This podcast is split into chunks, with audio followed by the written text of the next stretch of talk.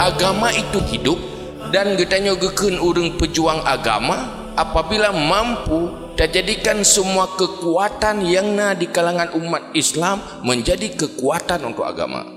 Karena Nabi sendiri pun apa? Yaza'ullahu bisultan mala yaza'u bil Quran. Nah yang mampu tak tegah tak selamatkan dengan kekuasaan tapi han mampu dengan Al-Quran. Uraceh pajan general mulai jilbab. Eh jilbab bila tak ke bila kumpulai pajan. Munyo semua buat wajib tom orat ka jamun ka. Tapi nak saat jamun tanya, anu udanya teja ikulah rok waktu tu un ina.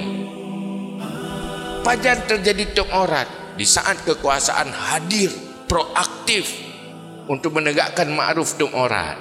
Yang mana? Yang hasil buat dengku. Artinya apa? Butuh kekuatan untuk menegakkan Islam. Itulah nilai adlil umara. Bermurah orang yang nak harta infak buat agama. Orangnya baca orang Islam nak harta. Munya untuk persoalan-persoalan kecil-kecilnya lebih. Tapi persoalan ji. Ha tak robah tak dakwah orang yang nak hartanya untuk infak harta. Mengejak kecil itu. Masa sahabat na Abdul Rahman bin Auf iganya dengan hartanya getebuh kekurangan nilai amal.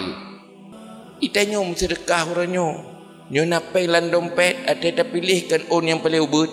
Tiga ke roh yang raya kena om bica yang mana nak kai dia nyo untuk blo syurga.